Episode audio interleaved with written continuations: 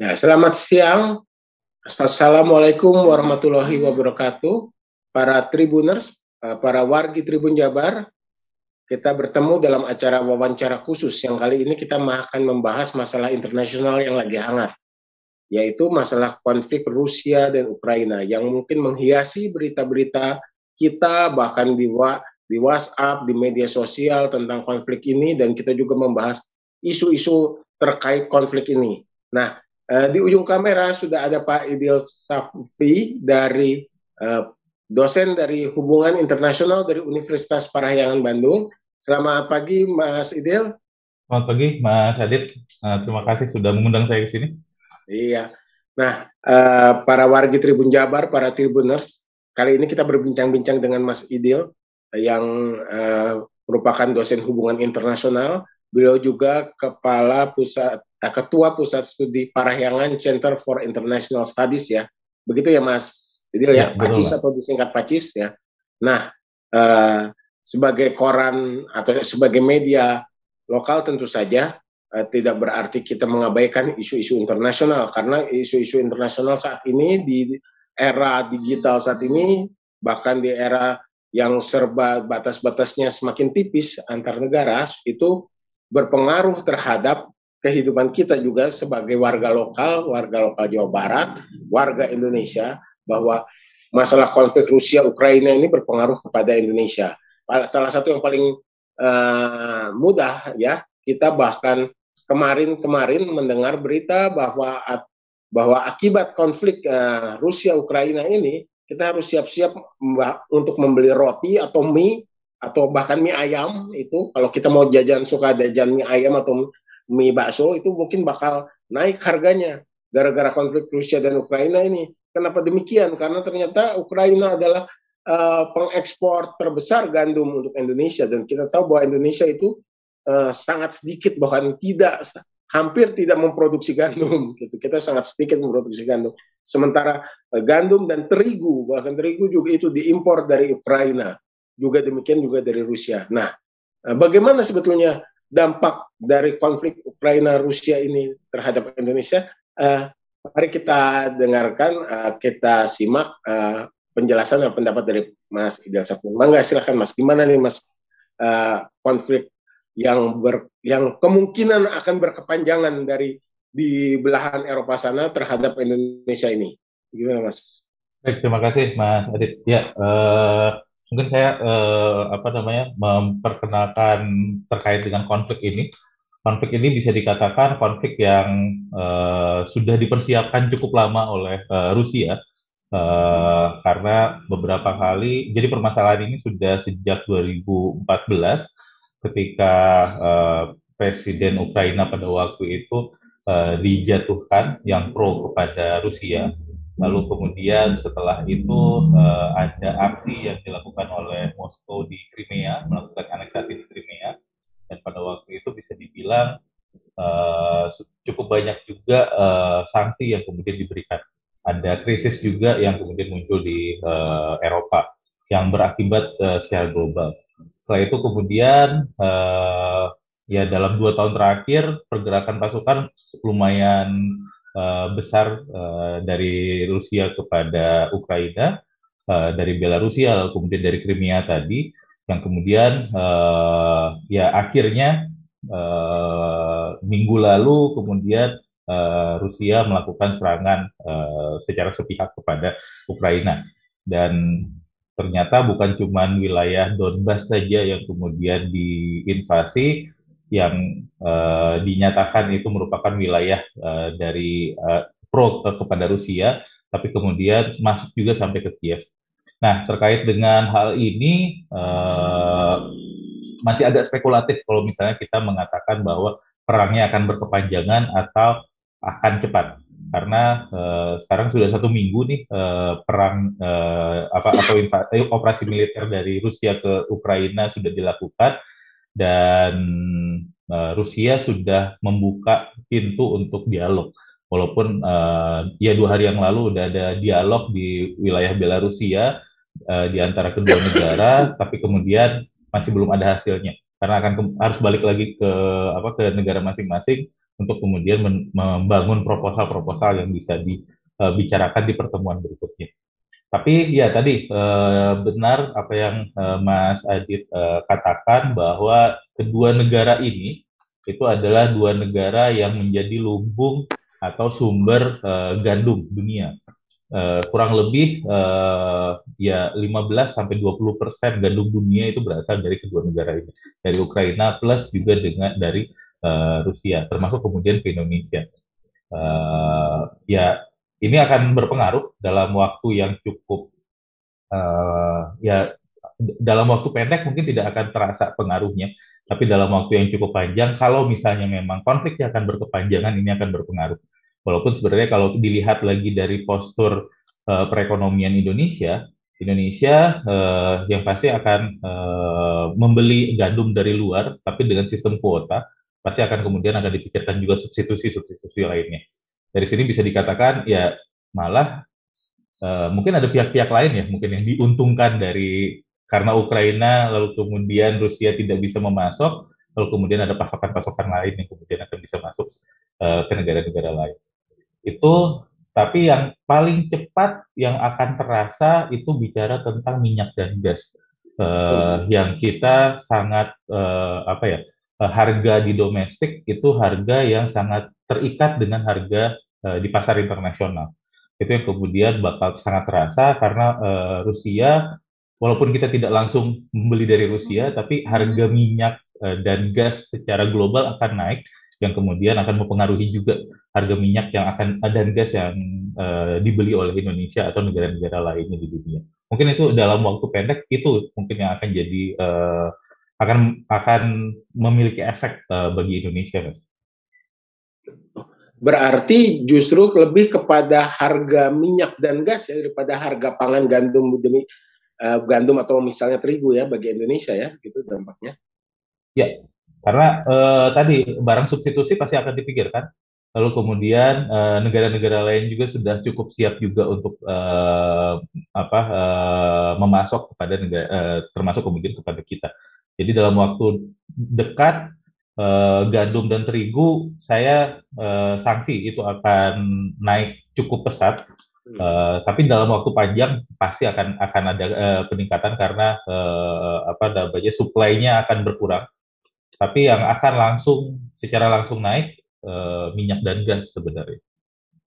Uh, bukankah minyak dan gas sebetulnya lebih ke pasokan dari uh, Rusia atau dari Ukraina yang di mana pipa-pipa gasnya tersebut lebih kepada ke Eropa Barat, Pak? Artinya misalnya khususnya ke Jerman ataupun ke Prancis begitu, yang lebih dekat kepada Ukraina. Ya, betul. Uh, minyak dan gas dari Rusia memang pasar terbesarnya adalah di kawasan Eropa Barat. Tapi kan uh, kita bicara tentang minyak dan gas sebagai komoditas yang sifatnya mengacu kepada harga di level internasional, di pasar internasional. Uh, termasuk kemudian kayak uh, seperti uh, pemerintah kemarin baru meningkatkan uh, harga gas uh, khususnya untuk harga gas non subsidi itu kan mengacu kepada adanya peningkatan di, uh, harga di uh, level internasional atau di pasar internasional. Itu yang akan sangat berpengaruh kalau menurut saya, Pak, uh, uh, Mas. Nah, kalau kembali kepada konflik tersebut, ini kan istilahnya istilahnya Putin dalam arti Rusia kan nggak suka ketika tetangganya ini menjadi pro ke Barat atau artinya bahkan menyilahkan uh, musuh atau ancaman bagi Rusia bercokol di Ukraina atau bahkan menjadi sekutunya Ukraina. Ibarat tetangga tiba-tiba mengundang musuh di depan pintu kita gitu kan. Nah persoalannya ini uh, apakah uh, langkah-langkah Putin ini sebetulnya hanya deterrence atau bahkan akan dia tetap ngotot sampai kebijakan uh, Zelensky ini berubah atau bahkan mungkin Zelensky ini turun. Bagaimana menurut Mas? Baik, uh, kalau dilihat dari kebiasaan Rusia, uh, kita lihat ada beberapa perang sebelumnya yang juga yang dilakukan oleh Rusia uh, ketika dia aneksasi Crimea, lalu kemudian uh, sebelumnya juga ada perang dengan Georgia uh, yang dilakukan oleh Rusia agak berbeda dengan yang dilakukan oleh Amerika Serikat. Amerika Serikat kan biasanya melakukan regime change, perubahan rezim di negara tersebut, lalu kemudian setelah itu menginstal uh, rejim baru yang dianggap lebih demokratis dan bisa menjadi mitra bagi Amerika Serikat. Tapi kalau Rusia, seperti yang dilakukan oleh di Georgia, yang dilakukan oleh mereka adalah aneksasi wilayah. Uh, Ossetia Selatan yang kemudian diambil, yang uh, notabene dilihat itu sebagai bagian yang pro kepada Rusia atau uh, etnisnya etnis yang uh, sebagian besar adalah etnis Rusia. Lalu kemudian di Crimea pun juga hal yang sama yang dilakukan tanpa mendompleng atau melakukan uh, regime change di Ukraina, uh, lalu memerdekakan wilayah tersebut atau menganeksasi wilayah tersebut. Nah, dari sana kalau dilihat uh, kecenderungannya, ada kemungkinan gol pertamanya Putin adalah yang uh, paling paling visible bisa dilakukan adalah membebaskan wilayah Donbas. Uh, ada dua kota di sana, Luhansk dan juga uh, Donetsk, uh, yang majority di sana adalah uh, masyarakatnya masyarakat pro Rusia, lalu kemudian berbahasa Rusia, itu yang kemudian mungkin akan dibebaskan dan akan diambil alih oleh uh, Rusia atau menjadi uh, negara negara baru. Itu tanpa kemudian uh, menjatuhkan rezim, kalau menurut saya. Jadi rezim change uh, agak sulit, tapi dengan mereka bergerak ke Kiev uh, saat ini, lalu kemudian juga ke Kharkiv, uh, sepertinya uh, ini uh, dilakukan untuk memukul uh, Ukraina, Ukraina agar uh, membuat mereka mau mengambil konsesi-konsesi. Salah satunya adalah konsesi untuk menjadi negara netral tanpa punya niat untuk bergabung kepada uh, NATO. Karena ya kalau dilihat sejarah secara geografis, posisi Ukraina ini di terasnya Rusia Ya. Lalu kemudian langsung berbatasan setelah itu kemudian ada Polandia yang sudah menjadi negara uh, anggota NATO. Jadi sangat penting bagi Rusia agar Ukraina ini setidaknya jadi negara yang netral, tidak menjadi anggota NATO. Karena kalau jadi sudah jadi anggota NATO, eh, NATO atau ya dalam hal ini misalnya Amerika Serikat boleh menginstal pasukan di sana, menyimpan pasukan di sana dan itu akan jadi ancaman yang cukup besar juga bagi Rusia. Eh, menurut Mas, gimana langkah Amerika Serikat ataupun uh, NATO khususnya terhadap konflik ini? Karena uh, belum terlihat ya secara nyata ada bantuan ataupun apa yang mungkin kalau dalam secara bantuan intelijen ataupun diam-diam mungkin saja ada ya, tapi kan secara resmi belum terlihat adanya langkah daripada Amerika Serikat maupun NATO untuk uh, turut campur langsung dalam konflik ini. Bagaimana ini menurutnya? Baik, uh, saya sebelum terjadinya apa uh, invasi minggu lalu uh, sempat berdiskusi juga dengan banyak teman-teman mengatakan uh, kami punya kesepak, uh, punya kesimpulan bahwa sepertinya NATO sekarang agak terpecah. Terpecah dalam artian ada negara-negara yang merasa cukup terikat dengan Rusia, khususnya di bidang minyak dan gas tadi. Uh, lalu kemudian uh, apa namanya agak sulit untuk memiliki sikap yang keras kepada Rusia. Termasuk Prancis pada waktu itu coba untuk mencari jalur-jalur diplomasi kepada Rusia. Nah, eh, ketika kemarin pecah, sepertinya Rusia sudah membaca bahwa kemungkinan pihak eh, Eropa Barat untuk membantu secara militer dalam artian eh, pasukan untuk Ukraina itu kecil sekali. Karena sebelumnya juga Jerman sudah mengatakan bahwa kami akan memberikan bantuan tanpa melakukan atau menggunakan kekuatan militer di Ukraina. E, dari sana seakan-akan kemudian bisa dibaca bahwa e, NATO tidak terlalu keras dan bisa dibilang mereka sudah punya pattern sebenarnya. Pattern ketika Crimea dulu mereka cuma memberikan bantuan e, logistik lalu kemudian bantuan militer dalam bentuk persenjataan dan plus kemudian uh, memberikan sanksi pada waktu itu kepada uh, Rusia. Dan hal ini yang kemudian bisa dibilang apa yang dilakukan oleh NATO itu seperti textbooknya NATO. Oke, kalau ada kejadian ke negara tetangga itu yang kemudian akan dilakukan. Karena uh, kalau dilihat Amerika Serikat uh, cukup indecisive sepertinya. Uh, tujuannya adalah jangan sampai mereka head to head atau face to face uh, tanknya dengan uh, Moskow atau dengan Rusia. Uh, itu yang kemudian uh, terjadi di sana. Walaupun ya agak disayangkan sih sebenarnya uh, bisa dibilang bahwa uh, deterrence-nya NATO itu gagal terhadap Rusia sehingga Rusia berani untuk mengambil tindakan melakukan invasi kepada Ukraina.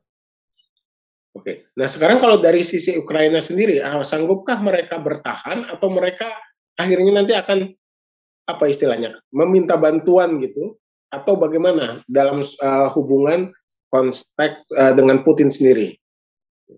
Ya, uh, bantuan sudah mereka minta uh, sebelumnya, termasuk karena mereka sudah mencoba untuk submit untuk jadi anggota NATO, walaupun itu prosesnya cukup panjang. Sudah submit jadi anggota Uni Eropa dan prosesnya juga akan cukup panjang. Uh, dan ya kalau dilihat kemarin uh, Zelensky mengatakan bahwa ya kami sendiri dan semua negara takut dengan hal tersebut. Nah, kalau dilihat dari saat ini uh, sampai hari ini uh, Rusia masih belum bisa memasuki Kiev. Bisa dibilang perlawanan yang dilakukan oleh Ukraina mas, uh, cukup cukup uh, hebat juga uh, karena banyak yang mengatakan mungkin dalam waktu 4 sampai 5 hari Moskow itu sudah bisa menguasai Kiev lalu kemudian uh, bisa mengusir Zelensky. Tapi kalau dilihat sampai hari ini tidak bisa seperti belum bisa seperti itu dan bahkan Moskow sudah mencoba untuk membuka uh, pintu diplomasi. Pintu diplomasi berarti ada ada satu hal atau dua hal yang salah dari operasi yang kemudian sudah dilakukan kemarin. Jadi uh, sepertinya ya tadi uh, tidak bisa kita mengkalkulasikan cuman berdasarkan power negara ketika bicara tentang perang, tapi kita uh, bicara juga bahwa ada semangat, ada penguasaan Tiren, ada penguasaan uh, Medan yang menjadi keuntungan bagi uh, Ukraina pada saat ini ketika menghadapi Rusia.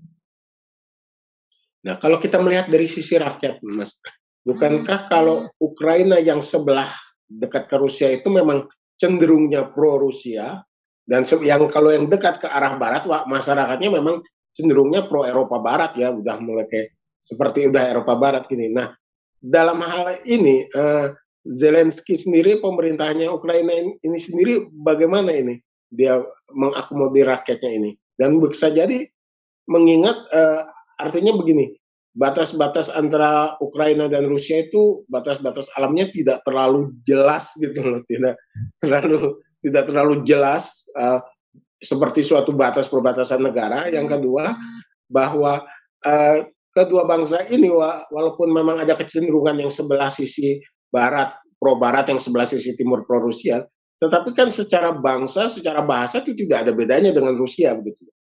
Nah, ini eh, bagaimana sikap apa uh, uh, Ukraina sendiri khususnya Zelensky ini menghadapi hal tersebut? Ya, uh, kalau dilihat beberapa kali Zelensky membuat uh, vlog ya, uh, bisa dikatakan bahwa dia mencoba untuk uh, menyemangati masyarakatnya, termasuk kemudian menyemangati juga uh, tentara-tentaranya yang kemudian ada di lapangan dengan mengatakan bahwa saya tidak akan keluar dari Ukraina lalu kemudian walaupun Amerika Serikat menawarkan helikopter untuk membawa dia keluar dari Ukraina, dia tidak ngambil itu. Kami cuma butuh senjata untuk bisa menghadapi gempuran dari tentara Rusia. Jadi bisa dikatakan ya dia coba juga untuk memperlihatkan empati dia sebagai seorang pemimpin, lalu kemudian berada di tengah-tengah masyarakatnya yang sekarang sedang menghadapi gempuran dari Rusia. Uh, itu satu hal yang bisa dibilang uh, cukup positif uh, dari kepemimpinan dari Zelensky. Lalu kemudian yang kedua memang terlihat bahwa yang coba untuk didefense oleh Ukraina adalah wilayah-wilayah yang memang wilayah yang tidak akan mudah jatuh ke wilayahnya uh, Rusia. Makanya kemudian Donbas seakan-akan dilepaskan karena dalam waktu satu hari uh, wilayah apa tentara tentaranya uh, Rusia itu sudah bisa masuk ke Donbas, ke Luhansk dan juga ke Donetsk uh, pada waktu itu. Karena walaupun ya bisa dikatakan kalau nggak salah kan tiga hari sebelum invasi ada deklarasi dari Putin bahwa uh, Republik Luhansk dan juga Donetsk itu adalah republik yang merdeka. Jadi uh, wilayah itu bisa dikatakan agak dilepaskan oleh pemerintah Ukraina tapi mereka coba untuk mendefense wilayah-wilayah yang kemudian uh, ya lebih banyak yang pro uh, apa atau nasionalis ya uh, Ukraina. Itu walaupun kesulitan yang muncul pada saat ini adalah gempuran yang didat yang datang dari Moskow itu gempuran yang sifatnya all out ya. All out dalam artian dari Belarus uh, ada serangan, lalu kemudian dari pembatasan di dekat Kharkiv itu ada serangan, lalu kemudian dari Crimea pun juga muncul serangan. Jadi bisa dibilang hampir kayak uh, dua per tiga wilayahnya Rusia itu kemudian uh, di apa uh, serangannya kemudian datang dari sana. Yang itu yang kemudian menyulitkan bagi, bagi Ukraina. Tapi serangan awal ya ini uh, kebiasaan bagi negara-negara besar ketika melakukan serangan, dia akan mematikan dulu instalasi militernya menggunakan serangan uh, udara. Itu yang dilakukan oleh uh, Rusia. Tapi itu tidak akan menjadi kunci kemenangan sebenarnya karena kunci kemenangan itu akan dimenangkan oleh pasukan darat dan ketika pasukan darat ma masuk dia harus menghadapi insurgen apa ya perlawanan rakyat perlawanan eh, masyarakat di mana mereka punya keuntungan eh, bahwa mereka mengetahui eh, teater eh, perangnya atau eh, ya medan perangnya itu yang akan membedakan dengan wilayah yang apa pasukan ofensif dari musuh yang mungkin tidak sekenal itu dengan dengan Medan. Itu yang uh, bisa jadi alasan kenapa kemudian uh, tentaranya Rusia belum bisa masuk sampai ke tengah kota Kiev sampai hari ini. Buk, akankah kemungkinan terjadinya perang kota kan di, di Kiev gitu? Perang kota sudah mulai terjadi di samping-samping uh, di di di uh, di samping-samping Kiev, termasuk kemudian di Kharkiv juga kemarin. Uh, tapi ya ini akan terus berlanjut kalau misalnya perang kota itu kemudian terjadi. Makanya eh, kenapa ini ini analisis eh, saya kenapa kemudian Moskow mencoba untuk membuka eh, jalur diplomasi karena dia merasa bahwa ya sekarang eh, advantage dia atau leverage dia cukup tinggi karena sudah bisa masuk ke wilayah eh, tersebut. Tapi kemudian eh, ke, permintaan dia bisa didapatkan dengan diplomasi. Uh, karena kalau diteruskan, ya uh, biayanya akan cukup besar untuk kemudian melakukan perang ini. Uh, karena ya ada ada beberapa lembaga yang mengatakan sampai 20 billion US dollar dalam satu hari biaya perangnya. Walaupun ada juga lembaga-lembaga lain yang bilang satu billion US dollar. Range-nya agak cukup tinggi, tapi ya biayanya kemudian cukup mahal uh, untuk melakukan perang ini. Terakhir ini Mas, uh, bagi Indonesia bagaimana sebetulnya menyikapi konflik ini? Uh, apa sebaiknya atau usulan saran atau rekomendasinya bagi kebijakan luar negeri Indonesia dalam menyikapi konflik ini, Mas? Oke, kalau saya melihat terkait dengan Indonesia, Indonesia mencoba untuk menghindari ter uh, terhanyut dalam uh, konflik antar great power.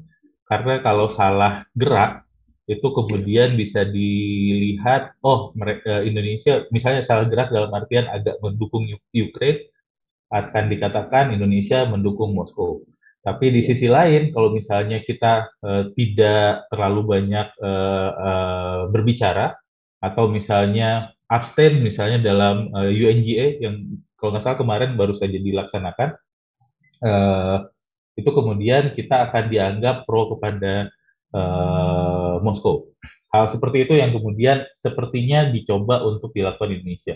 Walaupun ya agak sedikit kritik karena Indonesia sepertinya punya modal yang lebih daripada cuma mencoba menghindari menghindari untuk berbicara atau bersikap dalam konflik ini.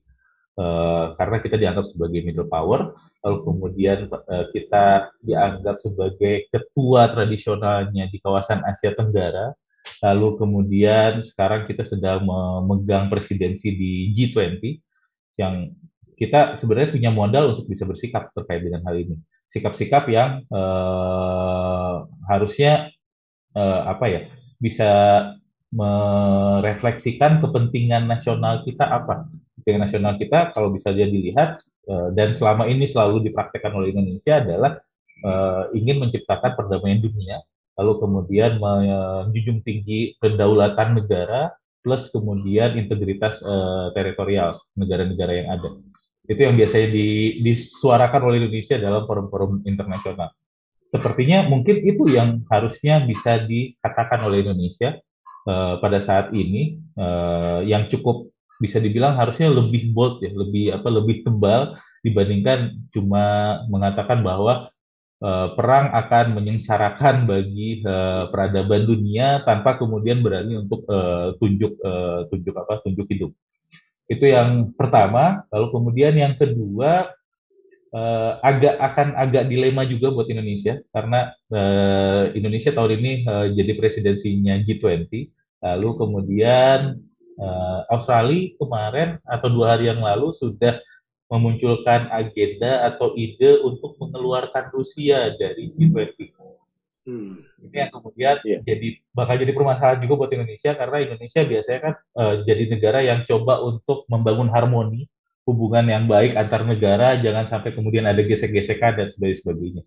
Nah ini uh, ya mungkin kita akan tunggu uh, karena uh, ya pernyataan yang kemudian sudah keluar dari Kementerian Luar Negeri itu baru di level juru bicara yang pertama, terus kemudian kemarin uh, duta besar kita di PBB uh, yang baru berbicara, tapi Bu Menlu masih belum berbicara cukup uh, banyak, lalu kemudian Pak Jokowi juga masih cuman uh, sebatas lewat Twitter uh, me, apa, menanggapi hal ini.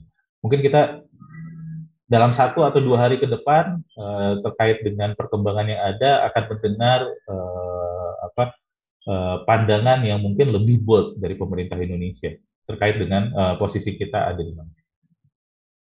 Ya, oke okay, tentunya kita berharap ya uh, postur politik luar negeri kita dalam menyingkapi masalah konflik Rusia Ukraina ya tentu saja lebih tegas, lebih jelas begitu ya. Ya Mas, saya saya uh, teringat kalau di era zamannya high profile foreign policy di eranya Soekarno misalnya itu uh, Rusia apa Uni Soviet di genggaman kirinya Bung Karno, Amerika Serikat genggaman tangan kanannya Bung Karno gitu.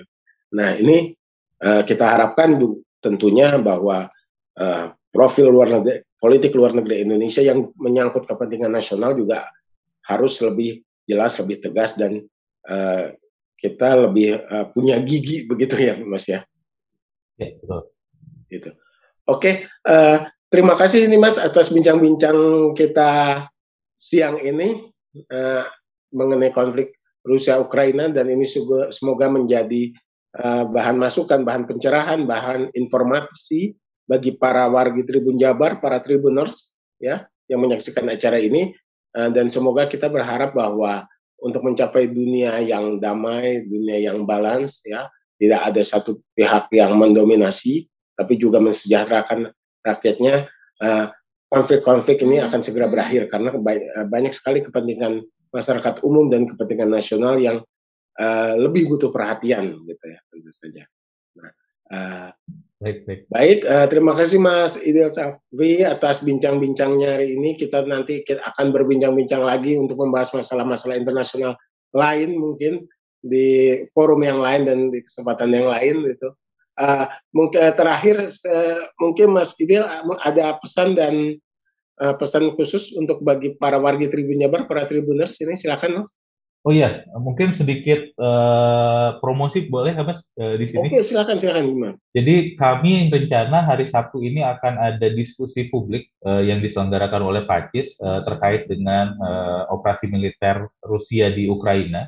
Jadi ya. mungkin buat teman-teman uh, wargi Tribun Jabar uh, yang ingin mengikuti diskusi kami, silakan untuk kemudian uh, bergabung di uh, link Zoom yang kami sediakan mungkin bisa dilihat di uh, Instagramnya HI Unpar HI.unpar oh, ya. dari sana kemudian nanti uh, teman-teman bisa melihat ada linknya dan bisa ikut uh, bergabung di dalam diskusi tersebut mungkin ya, ya. itu uh, Mas hari Sabtu jam berapa Mas rencananya? Hari Sabtu jam uh, dua jam 2 siang. Jam 14 sampai dengan selesai. Kami tidak membatasi karena mungkin bahasannya akan cukup ramai Iya, seperti iya. itu. Oke. Baik dari warga Tribun Jabar yang untuk memberi pemahaman terhadap wawasan internasional khususnya terkait konflik Ukraina Rusia silahkan bergabung dalam uh, diskusi publik oleh hubung, di jurusan hubungan internasional Unpar Universitas Parahyangan pada hari Sabtu tanggal 5 Maret pukul 2 siang ya nanti silakan para warga Tribun Jabar para Tribuners untuk membuka Instagram uh, eh, HI Unpar uh, guna bergabung dan berdis, uh, dalam diskusi tersebut. Baik, uh, terima kasih sekali lagi Mas Idil Safi atas penjelasannya dan pencerahannya hari ini. Para warga Tribun Jabar, para Tribuners, terima kasih Anda telah menyaksikan wawancara khusus ini. Uh, sampai kita bertemu kembali dalam acara di lain kesempatan. Uh, salam sehat semua, tetap jaga kesehatan, tetap junjung protokol kesehatan. Sampai bertemu lagi. Wassalamualaikum warahmatullahi wabarakatuh. Hatur nuhun.